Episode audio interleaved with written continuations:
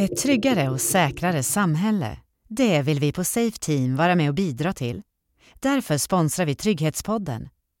Safe Team grundades för drygt 50 år sedan som en liten låsmedsfirma på Hisingen i Göteborg. Idag har vi växt till ett av Sveriges större säkerhetsföretag. Vi på Safe Team installerar och servar allt inom lås, passersystem, larm, kamerabevakning och dörrautomatik. Det som utmärkt oss ända sedan starten är vårt sätt att ta hand om dig som kund. Med personlig omtanke och extra hög service. Det är så vi skapar trygghet. Safe Team, din partner i säkerhet. Hej! Anders Königsson här. Jag kan glatt berätta att Trygghetspodden, Sveriges viktigaste podd, nu växer så det knakar. Vill ert företag eller er organisation nå det här snabbt antalet växande lyssnare? Människor med genuint intresse för trygghetsfrågor. Det gör ni genom att höras här i podden och synas på hemsidan. För att få mer information om den här möjligheten mejla till info trygghetspodden.se Alltså info trygghetspodden.se och nu, kära lyssnare och trygghetsambassadörer, är det dags för ett nytt, mycket lärorikt avsnitt. Jag träffar stiftelsen Tryggare Sveriges generalsekreterare Magnus Lindgren. Hör om varför Tryggare Sverige bildades och vad de gör. Om vad han anser har gjort att vi hamnat i den situation vi nu är i med bilbränder, gängkriminalitet, skjutningar och ökande otrygghet. Och varför han anser att rättsstaten inte mår bra.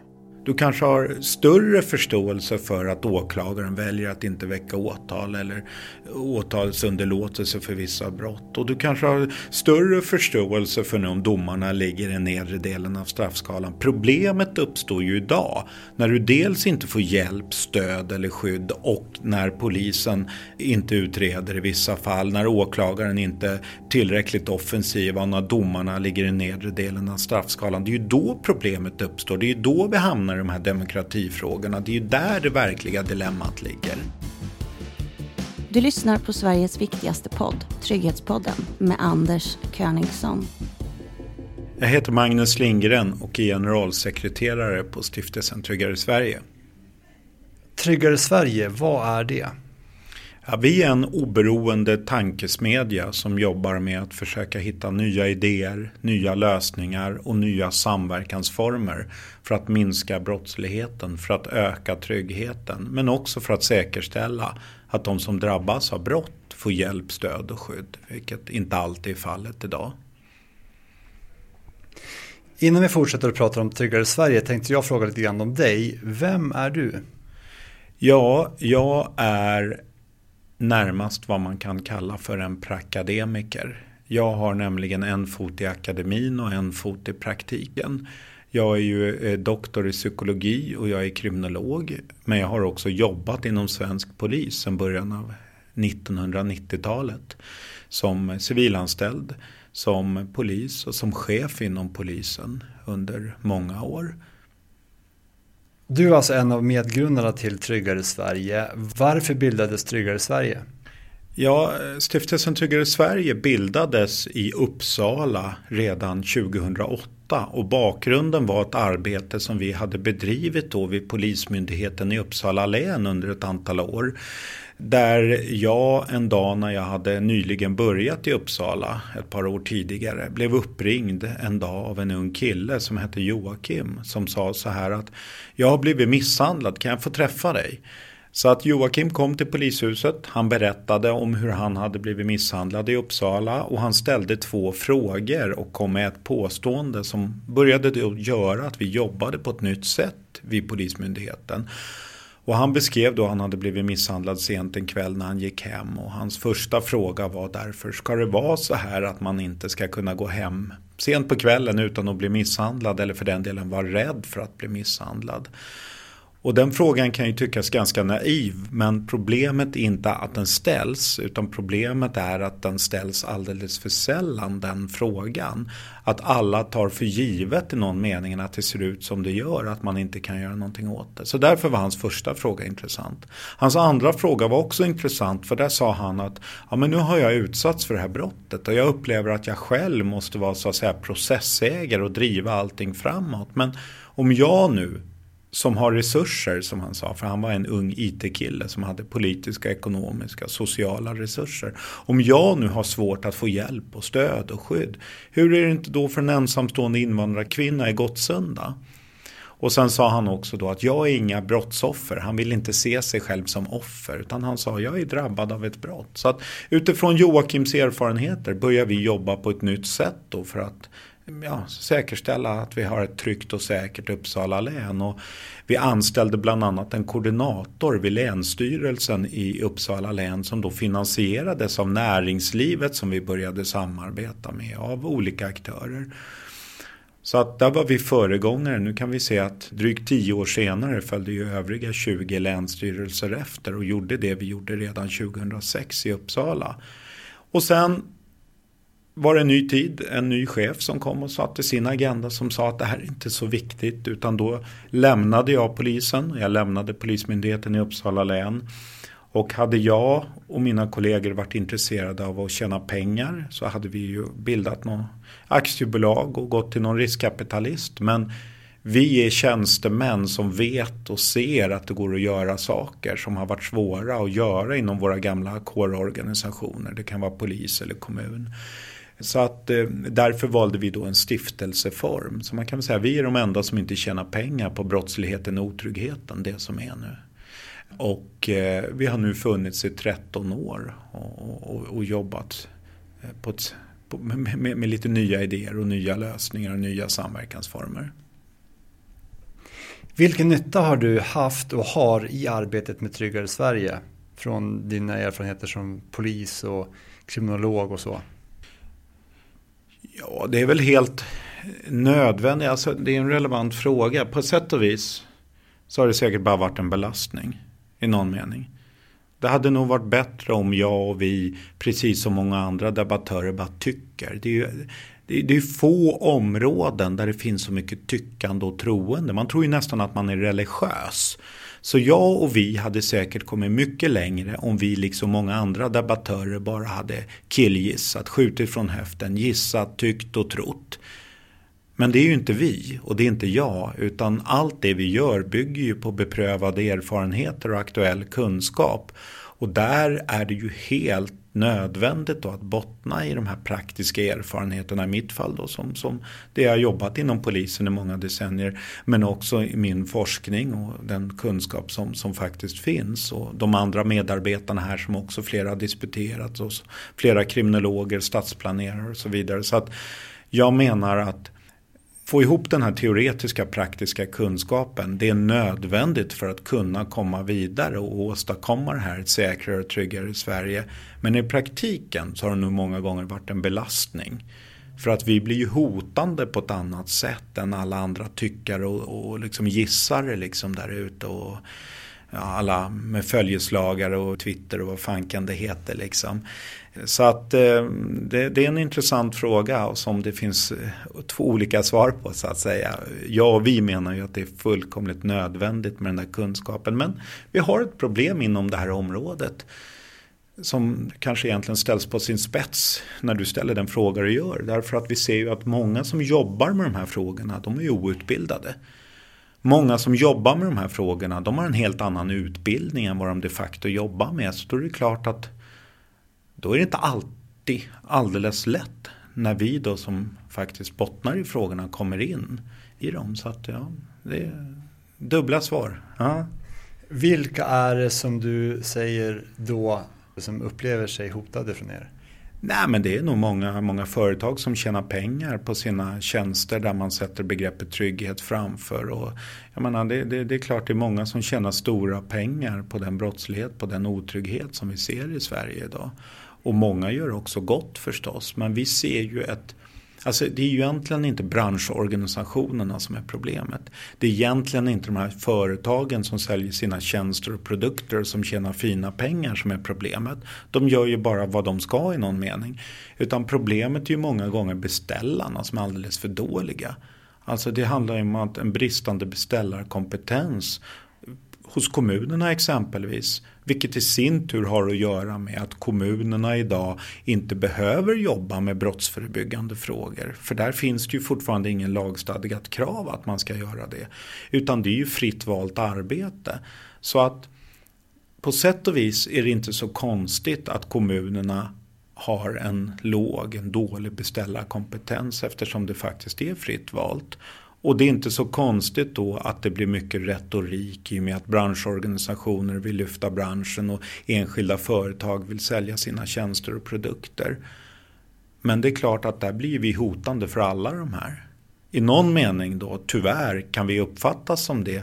Men det enda vi vill, det är att bidra med beprövade erfarenheter och aktuell kunskap så att man som beställare upphandlar rätt saker och så att man utförare inte bara gör saker utan också gör rätt saker. Men det är klart att då utmanar vi krafter i samhället där man kanske saknar kunskap och inte riktigt vill erkänna det eller för den delen säljer sina produkter som kanske egentligen inte är den medicinen som den sjuke patienten behöver. Hur många är ni som arbetar här på Tryggare Sverige? Ja, vi är 10, 11 stycken numera. En blandning då av dels forskare och praktiker. Vi har flera kriminologer, flera stadsplanerare men också flera säkerhetssamordnare. Vi har en jurist och en legitimerad psykolog. Så att det är en blandad kompott av teoretiker och praktiker utifrån ja, olika discipliner. Tvärvetenskaplig då. Och hur finansieras den här stiftelsen? Ja, vi finansieras inte via kommunala eller statliga bidrag. Utan vi valde redan från början att säga att vi ska vara som våra systerorganisationer ute i Europa och världen. Det vill säga vi ska stå oberoende. Så vi har ingen politiker, aktiv politiker i styrelsen. Vi tar inte bidrag från stat eller kommun. Utan när vi bildades då sa vi att vi ska jobba med näringslivet utifrån ett CSR och hållbarhetsperspektiv. Så att tanken var ju att vi skulle kunna sitta och tänka och skriva och debattera och hjälpa olika aktörer med de här frågorna med fina näringslivspengar. Samtidigt sa vi det från början att vi vill ju heller inte så att säga sitta i knät på ett företag. Så vi tar heller aldrig mer än 100 000 per år och företag för att inte sitta i knät på ett enskilt företag. Men näringslivet i Sverige har fortfarande inte bottnat upplever vi väl i det här med CSR och hållbarhet. Utan det är fortfarande... CSR ja. för den som inte känner till det, vad är det? Ja men det handlar ju om Corporate Social Responsibility. Alltså företagens sociala ansvarstagande, hållbarhetsfrågor. Som fortfarande i praktiken i Sverige handlar väldigt mycket om tredje världen, väldigt mycket miljöfrågor. Och det är väl bra och det är väl viktigt.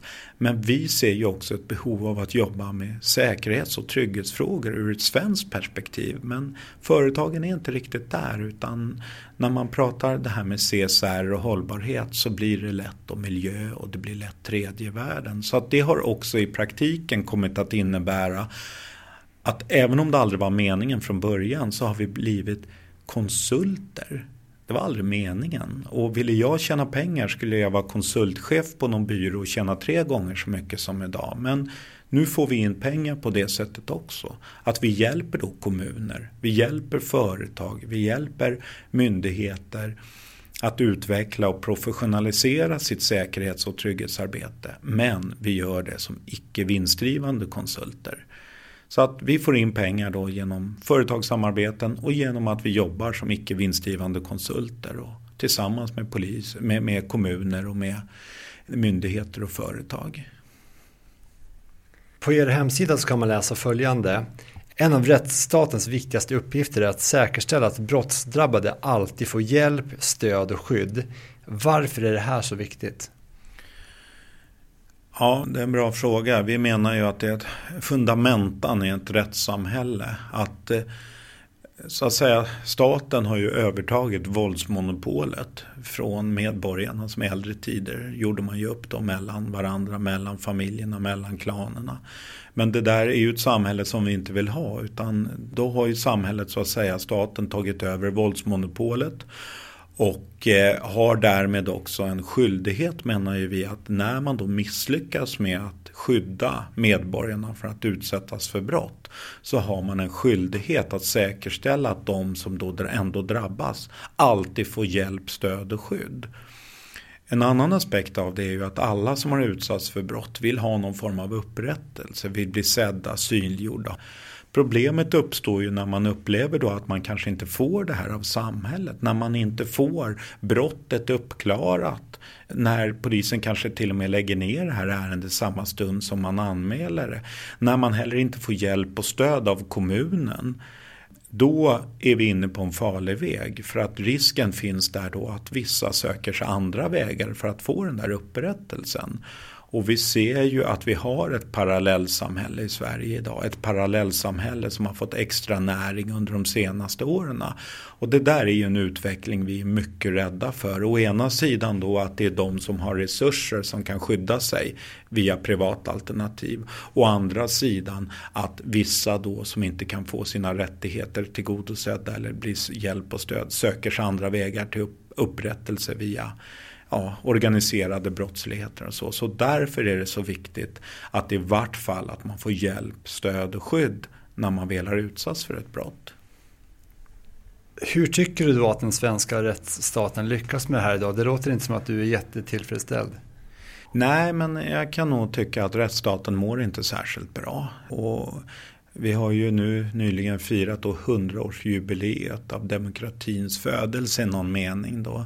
Och eh, många demokratiexperter menar ju att demokratin är väldigt skör i Sverige just nu. Så att vi, vi tillhör ju de som menar att vi måste värna om vår demokrati och att demokrati, demokratin är satt under press. Eh, bland annat på grund av brottsligheten och otryggheten men också det faktumet att många av de som drabbas av brott faktiskt inte får den hjälp och stöd och skydd som de har rätt till enligt både svensk lag och internationella konventioner, rekommendationer etc. Så att eh, nej, det finns stora utmaningar där vilket är farligt för samhället i stort och för ur ett demokratihänseende. Hur ser då Tryggare Sverige på straffsatserna i Sverige? Ja, det är egentligen inte några frågor vi jobbar med ärligt talat. Och det är väl många som blir förvånade då. Men alltså vi försöker ju undvika att polarisera. Det är så många andra som polariserar den här allt mer ideologiserade och politiserade och polariserade världen. Och det gagnar inte brottsdrabbade att så att säga ställas emot gärningspersoner. Och jag menar självklart är det viktigt att brott klaras upp och, och gärningspersoner ställs till svars och att gärningspersoner får något rimligt straff och man kan ha en diskussion och bör ha en diskussion om vad är egentligen rimliga straff. Och i delar finns det också skäl till att se över straffsatser men det är liksom inte där problemet är utan internationellt så pratar man ju mer och mer om att vi kan inte liksom arrestera oss ur de problem vi har.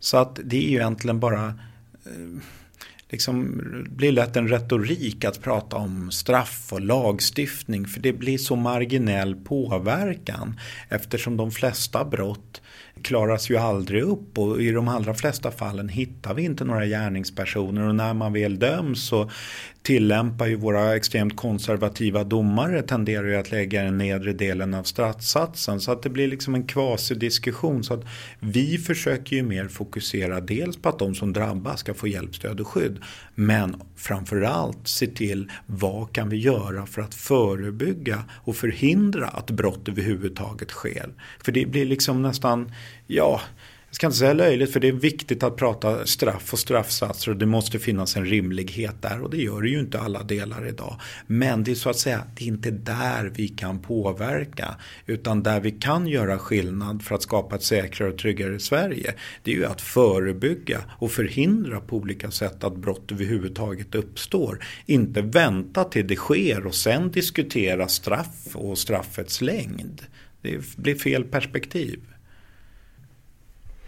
Om någon har utsatts för brott och den inte döms enligt rättssamhället, vad tycker Tryggare Sverige är det viktigaste ska göras för att den som utsatts för brott får ändå någon form av upprättelse eller stöd eller så? Ja men det handlar ju om att om du har utsatts för ett brott så måste du få hjälp och stöd och vid behov skydd. Får du det, ja då har du antagligen större förståelse för om polisen kanske lägger ner ärendet med en gång. Du kanske har större förståelse för att åklagaren väljer att inte väcka åtal eller åtalsunderlåtelse för vissa brott. Och du kanske har större förståelse för nu om domarna ligger i den nedre delen av straffskalan. Problemet uppstår ju idag när du dels inte får hjälp, stöd eller skydd och när polisen inte utreder i vissa fall. När åklagaren inte är tillräckligt offensiv och när domarna ligger i den nedre delen av straffskalan. Det är ju då problemet uppstår. Det är ju då vi hamnar i de här demokratifrågorna. Det är ju där det verkliga dilemmat ligger. Och det är ju därför också det är så viktigt att de som drabbas av brott alltid får den där hjälpen, stödet och skyddet. För då har man antagligen större fördragsamhet med det andra även om det kan vara nog så frustrerande och nog så besvärligt och nog så upprörande inte minst. Men vem anser ni då från Tryggare Sverige ska tillgodose det här stödet och hjälpen och så i så fall? Ja, det är ju klart. Det är ju kommunerna som har huvudansvaret för att ge hjälp och stöd åt de som har drabbats av brott. Och det är polisen som har ansvaret att ge skydd åt brottsdrabbade. I den delen så ser vi ju att det är utklarat. Men i praktiken, det brukar ju heta det att ja det ser väldigt olika ut säger man i våra 290 kommuner. Men det stämmer ju inte utan det ser ganska lika ut. Det ser ganska lika dåligt ut i praktiken när det gäller kommunernas hjälp, stöd till personer som har utsatts för brott. Och här ser vi till och med en backlash. Vi har ju precis för nionde gången genomfört ett arrangemang som vi kallar för nationella brottsofferveckan. För att lyfta just brottsdrabbades behov och reaktioner och situation i Sverige. Och den samlade brottsofferrörelsen är ju överens om att vi ser en backlash i Sverige när det gäller situationen för brottsdrabbade. Det har blivit sämre under de senaste tio åren. Och även våra politiska företrädare i form av de tre största riksdagspartierna och dess rättspolitiska talespersoner. Adam Mattinen, Sverigedemokraterna då, och Fredrik Lundh Sammeli från S och Johan Forsell från Moderaterna vidhöll ju och också hade samma bild. Alltså att situationen har blivit värre för brottsdrabbade idag än för tio år sedan. Så att det är en allvarlig situation också för de brottsdrabbades perspektiv. Tryggare Sverige består av två olika delar, en tankesmedja och en konsultverksamhet. Om vi börjar med konsultverksamheten, vad gör den? Ja, där försöker ju vi som icke vinstdrivande aktör hjälpa kommuner, hjälpa företag, hjälpa myndigheter att utveckla och professionalisera sitt arbete med, med säkerhets och trygghetsfrågor. Och där är vi väldigt mycket inriktade dels på boendet. Alltså att göra rätt från början när vi bygger nytt eller när vi bygger om. Men också att vi är inne i befintliga bostadsområden och hjälper fastighetsägare och kommuner och andra hur man kan minska brottsligheten och öka tryggheten i befintliga områden. Vi jobbar förutom då med bostäder och bostadsområden väldigt mycket med skolan och med kollektivtrafikfrågor. Med kollektivtrafiken eftersom den är navet i kommunernas brottsförebyggande och trygghetsskapande arbete. Med skolorna eftersom att skolan är en sån vanlig brottsplats för barn och unga. Så att när det gäller konsultdelen då så är det mycket fokus på boende, skolan och kollektivtrafik. Och när vi jobbar med tankesmedjan då är det ju liksom bredare kan man säga. Med fokus på hur kan vi minska brottsligheten och öka tryggheten i Sverige. Hur kan vi säkerställa att de som drabbas får hjälp, stöd och skydd. Och där gör vi ju hela tiden eh, vi har debattkvällar, vi har haft ett 110-tal debattkvällar sedan starten. Allt kostnadsfritt. Frukostseminarier, lunchseminarier. Vi gör olika typer av trygghetsvandringar, ljusvandringar, tunnelvandringar. Vi gör studieresor och det mesta av det vi gör är ju helt kostnadsfritt. För att det är ju där vi tar från de pengar vi så att säga arbetar in som icke vinstgivande konsulter. För att kunna göra de här gratisevenemangen med föreläsningar, seminarier, konferenser, debatter etc. Så att vi försöker jobba med bägge sidorna av myntet, både det brottsförebyggande och det brottsofferstödjande. Och det här med tankesmedjan så är det väl också så att ni försöker påverka makthavare och så att arbeta för ett säkrare och tryggare Sverige, stämmer det? Ja men vi ser ju att eh, det finns ett antal missuppfattningar, vanföreställningar, myter eller rena ja, alternativa sanningar när det gäller det här området. Så att där försöker vi bidra med ja, kunskap om hur man faktiskt kan göra, hur man gör i andra länder. Vi är hela tiden ute och bara Föregående år så var vi i USA tre gånger, vi var i Sydamerika, vi har varit runt i Europa, vi har varit runt i Norden för att se hur, hur har andra det, vad gör andra, vad fungerar, vad fungerar inte. Så att det är en viktig del i vårt arbete att bedriva då påverkan för att visa prov på både mot politik och tjänstemän hur man faktiskt kan göra för att få det där vi alla vill, ett säkrare och tryggare Sverige där de som drabbas får hjälp, stöd och skydd. Och ett sätt som ni arbetar på det är att ni skriver debattartiklar och du har skrivit ett flertal debattartiklar i olika tidningar. Och i en debattartikel i Dagens Nyheter i september förra året så skrev du att den situation vi har nu med gängkriminalitet, skjutningar, bilbränder och ökande otrygghet är självförvållad. På vilket sätt är den det? Ja, det är väl den där frågan som sällan eller aldrig ställs. Alltså hur i helvete har vi hamnat i den här situationen rent ut sagt? Det är ju en relevant fråga. Men det är en fråga som ställs alldeles för sällan. Är det slump? Är det otur? Är det tillfälligheter? Nej, det är ju inte det. Utan det kanske chockar lyssnarna men det handlar ju ytterst om politik och politiska beslut som har gjort att vi hamnat i den situation vi har gjort där vi då som tankesmedja ser ett antal mycket tydliga tipping points som faktiskt har bidragit till den situation vi har idag i Sverige med, med brott och otrygghet. Och det handlar ju allt från om vi går tillbaks 50 år i tiden till hur vi faktiskt började utforma våra bostadsområden på ett helt nytt sätt. Från att ha byggt på ett liknande sätt i 5000 år integrerat småskaligt och öppna framsidor som har möjliggjort en social interaktion och en god social kontroll så byggde vi storskaligt. Vi byggde ABC-städer där man bodde på ett ställe. Där man handlade på ett annat och där man arbetade på ett tredje med konsekvensen att alla de här delområdena var ödsliga under delar av dygnets timmar. Och dessutom vände vi på kvarteren så att det öppna allmänna mer var på innergårdarna. Så att där ser vi en tipping point. Vi har byggt in förutsättningarna för att brottsligheten och otryggheten ska trivas och få fäste i vissa av våra miljonprogramsområden. Den fysiska utformningen bidrar faktiskt till brott och otrygghet. Vi ser också hur det råkade sammanfalla då med att man 1965 förstatligade den tidigare kommunala polisen. Och där polisen där och då började den där resan med att lämna lokalsamhället. Det vi ser i kvadrat idag med den senaste då polisreformeringen 1 januari 2015. Vi ser också en tredje tipping point i form av hur narkotikabrottsligheten är enorm och en misslyckad narkotikapolitik och hur vi också har stora utmaningar under de senaste åren när vi har fått stora migrationsvågor där kommunerna har varit oförberedda.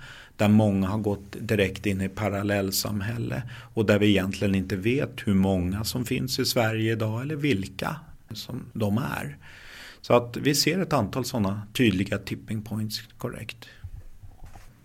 Precis som du säger så listar den här debattartikeln åtta olika punkter till varför situationen är som den är.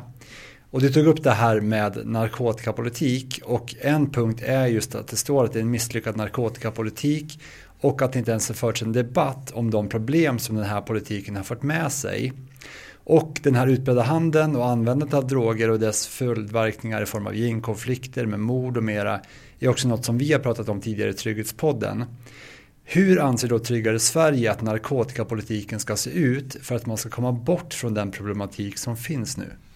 Ja, vi har väl inte alla svar på den frågan förstås som är, som är en 10 000 kronors fråga. Men det vi lyfter det är ju att vi har en allvarlig situation när det gäller narkotikaproblematiken i Sverige idag med mycket höga dödstal i narkotikarelaterade eh, dödsfall också i ett europeiskt kontext.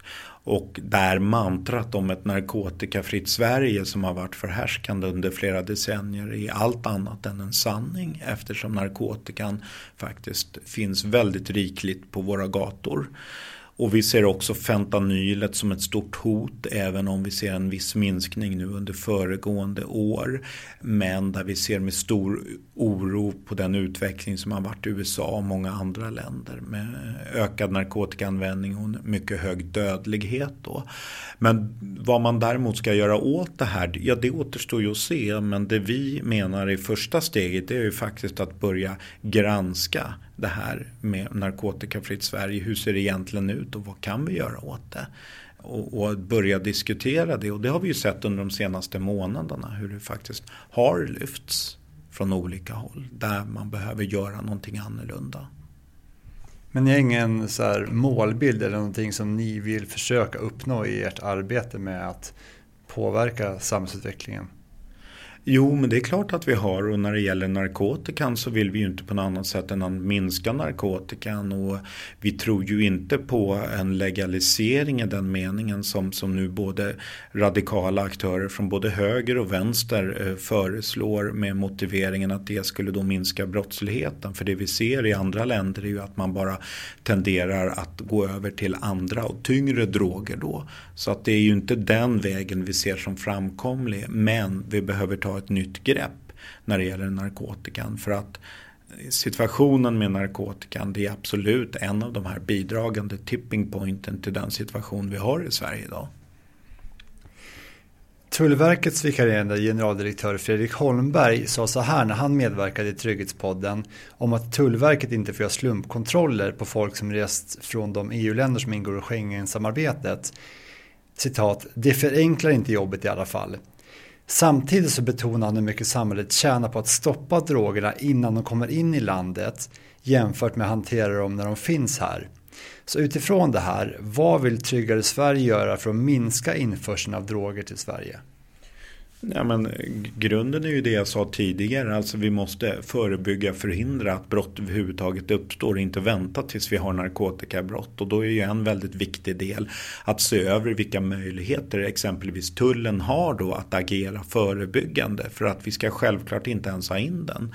Men nu råkar det ju vara så då att vi är en del av EU, vi är en del av ett större kontext och det här är politiska beslut som har tagits. Men det är en ny värld, det är en ny tid där vi också måste titta på eh, nya lösningar. Och en sån ny lösning är kanske då förändrade befogenheter för tullen där man faktiskt också tittar på det just nu.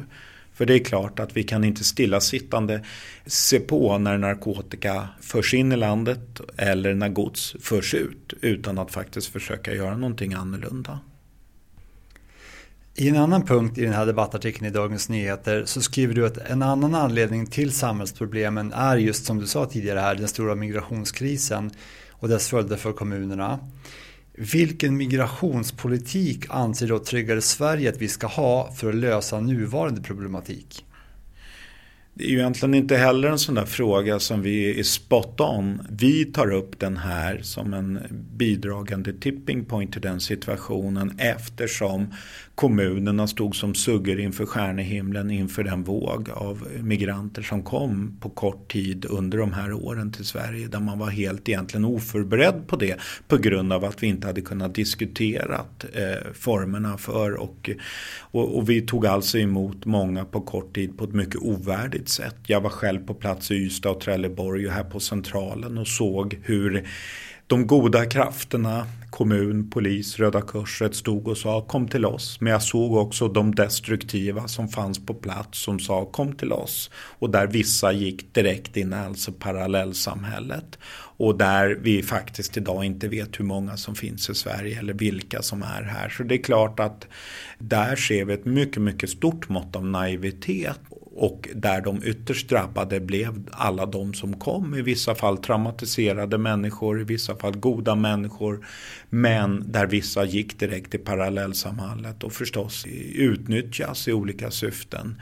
Så att helt klart är att vi måste ha ett annat omhändertagande och bemötande av de som kommer till vårt land. Vi måste också ha en helt annan kontroll på vilka kommer och hur många är här och som sagt vilka är de. Men har ni några konkreta politiska förslag på hur det här ska gå till? När det just, gäller just migrationen, nej, det är inte våra frågor. Utan vi jobbar ju med frågor om säkerhet och trygghet kopplat till brott och ordningsstörningar. Och eh, vår line är ju att det ska vara ordning och reda. Och det är inget farligt, det är inget fult och det är ingen högerfråga.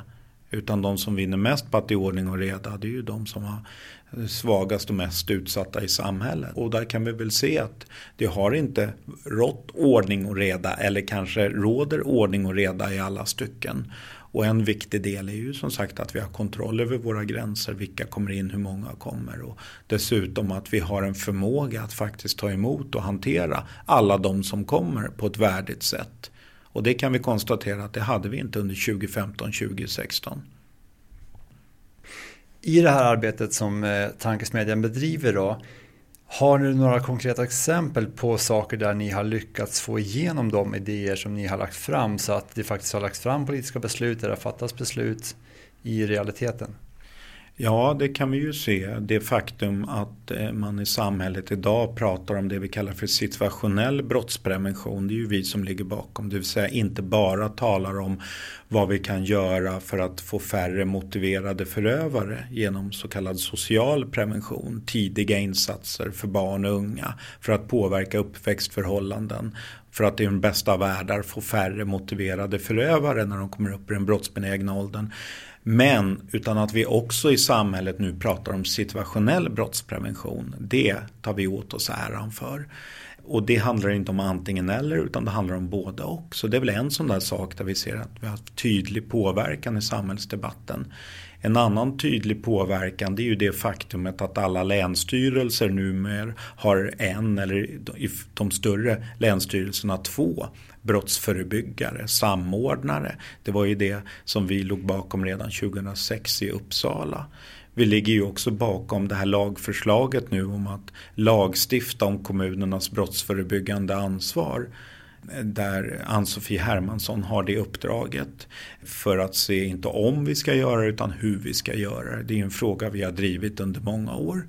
Så att visst ser vi att vi så att säga trycker samhällsutvecklingen framåt. Vi ser vi att vi trycker politiken framåt. Och, och, det senaste exemplet vi ser det är ju det här med platssamverkan som ligger väldigt mycket i tiden. Där man utgår från att förebygga och förhindra brott på enskilda platser där man går samman. Fastighetsägare med kommun och polis. Även där är vi drivande tillsammans med ett antal andra aktörer. Där allt fler har förstått att där kan det finnas en viktig del framöver. En film som ni har på er hemsida har budskapet att Tryggare Sverige kan erbjuda nya lösningar på de samhällsproblem som finns. Vad är det för nya lösningar ni pekar på där? Ja, det är ju framförallt att ta bort möjligheterna till att begå brott genom situationell brottsprevention. Det helt unika vi har, det få pratar om och ännu färre jobbar med, det är ju faktiskt hur man kan planera Alltså att vi kombinerar den kunskap vi har här för detta poliser med stadsplanerare och med kriminologer för att se vad kan vi göra när vi planerar och bygger nya bostadsområden och skolor etc. Så att vi bygger in säkerheten och bygger in tryggheten istället för tvärtom.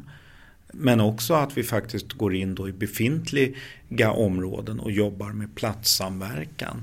För att så att säga, precis som man äter en elefant tugga för tugga så tar man tillbaks ett land stad för stad. Man tar tillbaks en stad område för område. Man tar tillbaks ett område kvarter för kvarter.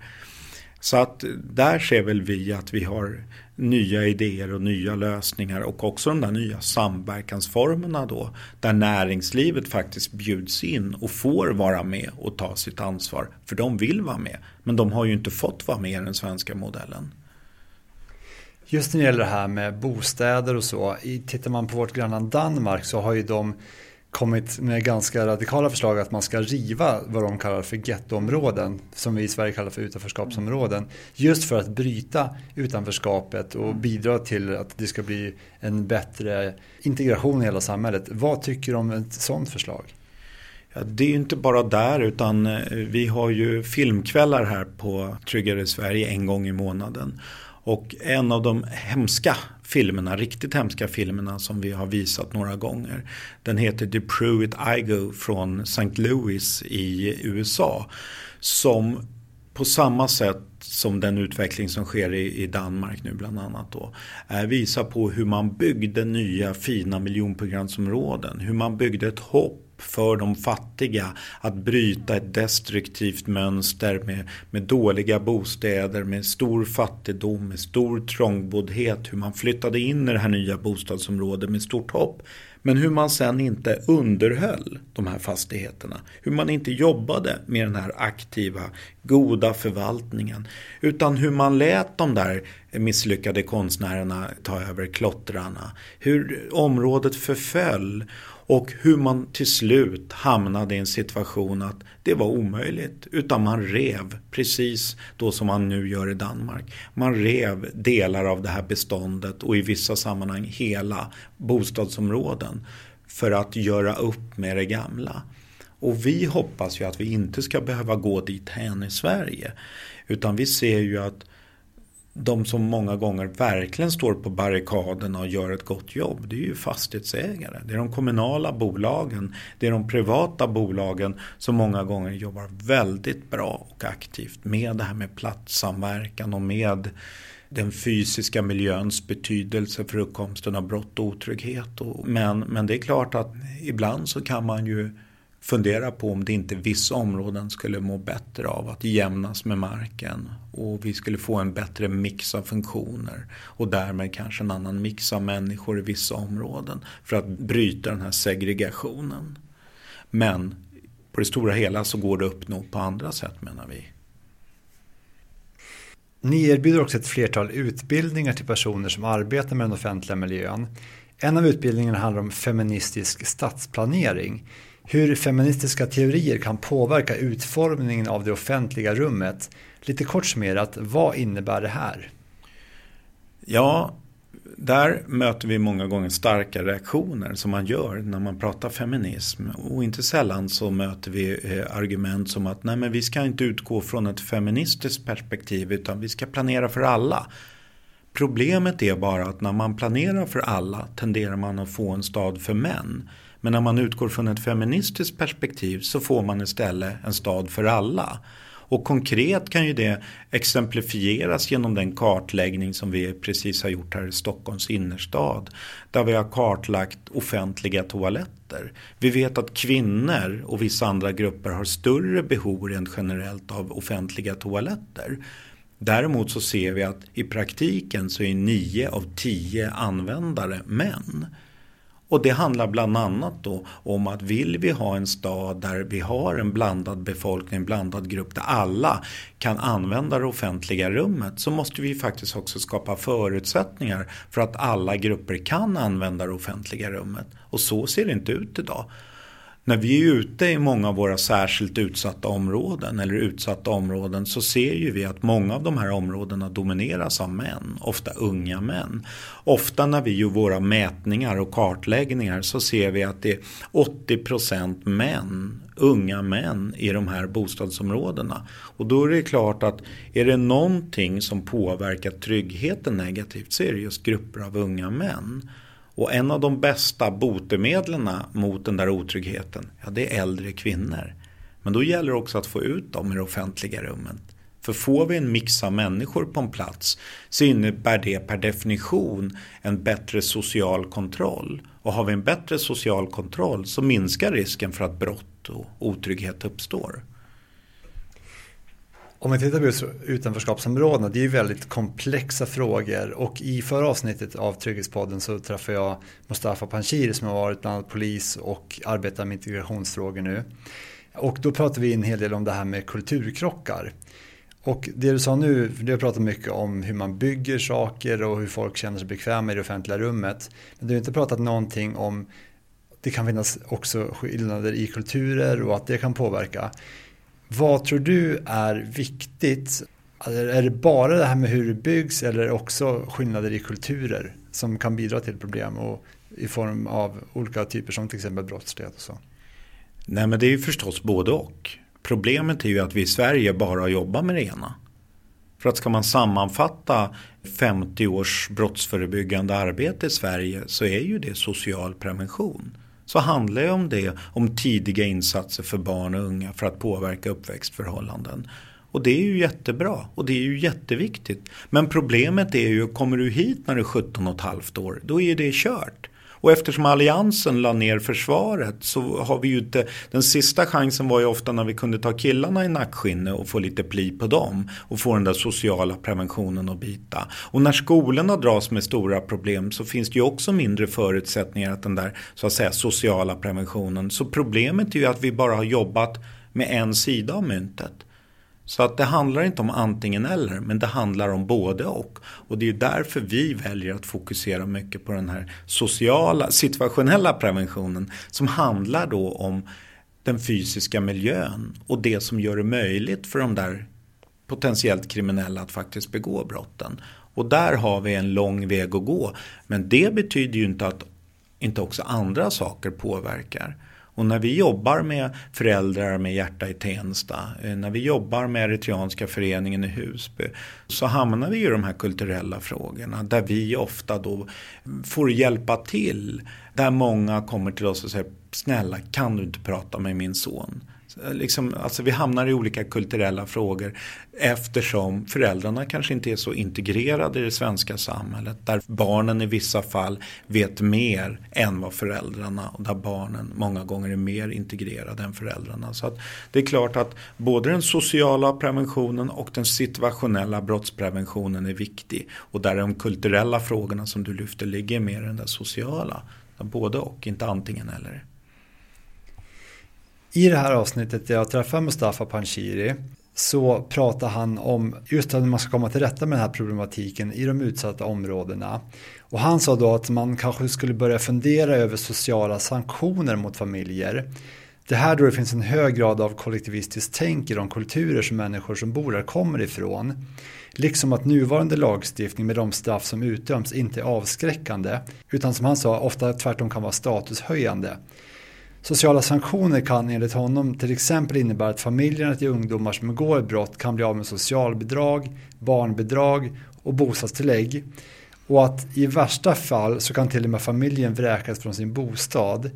Vad tänker Tryggare Sverige om det här med sociala sanktioner?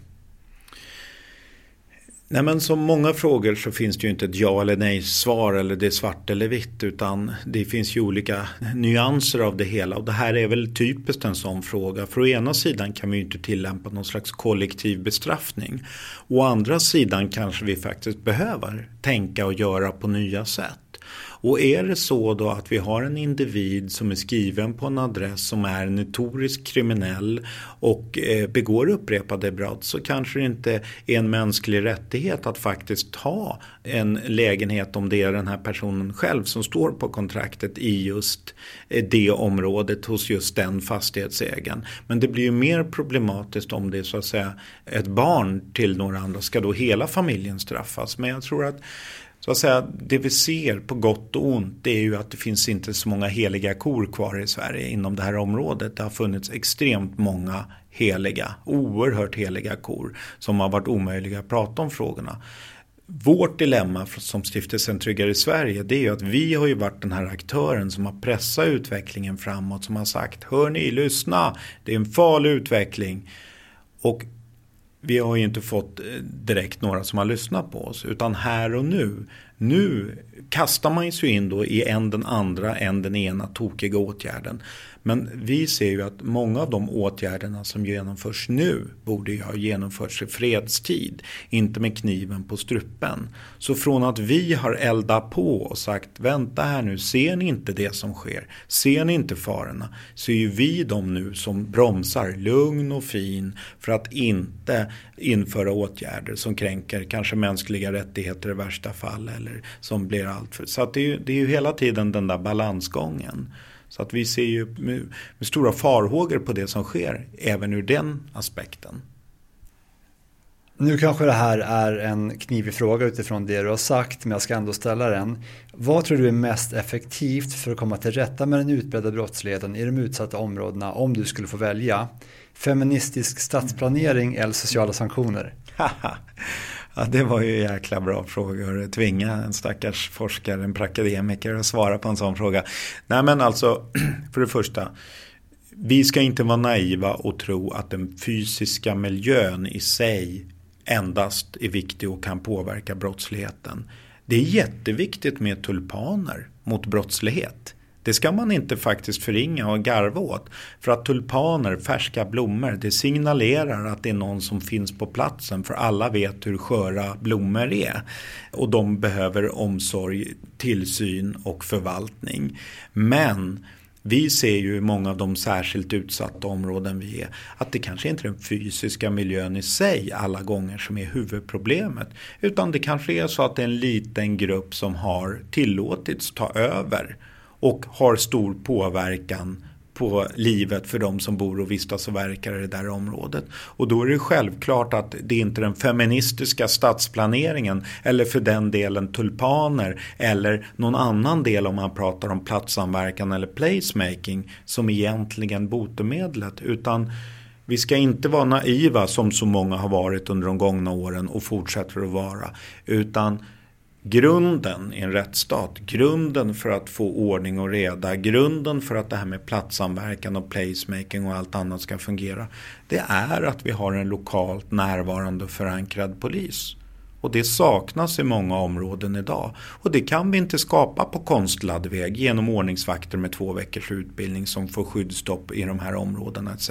Utan grunden är att vi får tillbaka en lokalt närvarande och förankrad polis. Sen kan vi jobba med tulpaner, feministisk stadsplanering, placemaking och platssamverkan. Absolut. Sen kan vi också parallellt med det jobba med olika sociala insatser där vi tar hänsyn till de kulturella frågorna. Men grunden är att det är en god ordning och reda, en god social kontroll med en lokalt närvarande och förankrad polis. Och det har vi inte idag. Det här med sociala sanktioner då, och hur det skulle kunna fungera, är det någonting Tryggare Sverige kan tänka sig att börja undersöka närmare? Mm. Vi tittar faktiskt på just det nu. Och vi kommer med en rapport till hösten om just med råd och stöd och dåd till fastighetsägare och kommuner hur man ska jobba med just de frågorna. Är det någonting du kan avslöja för lyssnarna redan nu ifrån den rapporten? Ja, det kan jag, men då måste jag, nej jag kan inte säga någonting om det nu, men rapporten kommer till hösten. Då har du kanske anledning att återkomma till Trygghetspodden och berätta om det då. Om jag återkommer lite grann till vad Mustafa Panshiri sa så säger han också att han är rädd för vad som kan hända om de här problemen i samhället förvärras. Då pratar vi om ungdomsrån och vi pratar om andra mm. typer av, det är mycket skjutningar och jättemycket som händer. Han kan inte säga vilka saker som kan hända men att det kan komma helt odemokratiska lösningar. Mm. Vad tror du kommer hända om samhällsproblemen förvärras? Ja, jag tror ju tyvärr att det kommer bli sämre innan det blir bättre. Så att jag tror att vi kommer få se en utveckling där brottsligheten och otryggheten kommer öka ytterligare. Och det riskerar ju att spela odemokratiska aktörer i händerna. Där vi får se eh, ännu större utsträckning att de som har råd kommer köpa sig hjälp i större, eh, och skydd i ännu större utsträckning. Vi kommer antagligen i den delen få se också ett parallellsamhälle som riskerar att ytterligare få gödning Eh, när andra söker sig nya vägar för den där upprättelsen. Och eh, som sagt, det här handlar ytterst om demokrati och vår demokrati är skör och därför så måste vi göra allt det vi kan för att förebygga, förhindra att brott överhuvudtaget uppstår. Och vi måste göra allt vi kan för att säkerställa att de som ändå då drabbas av brott får hjälp, stöd och skydd. Sista frågan då. Hur kommer Tryggare Sveriges arbete för just ett tryggare Sverige att fortsätta framöver? Nej, men vi tror ju mycket på att göra rätt från början. Så att vi kommer fokusera oerhört mycket under de kommande åren på att hjälpa både beställare och utförare att göra medvetna val när det kommer till den fysiska utformningen av nya bostadsområden, offentliga rum och skolor.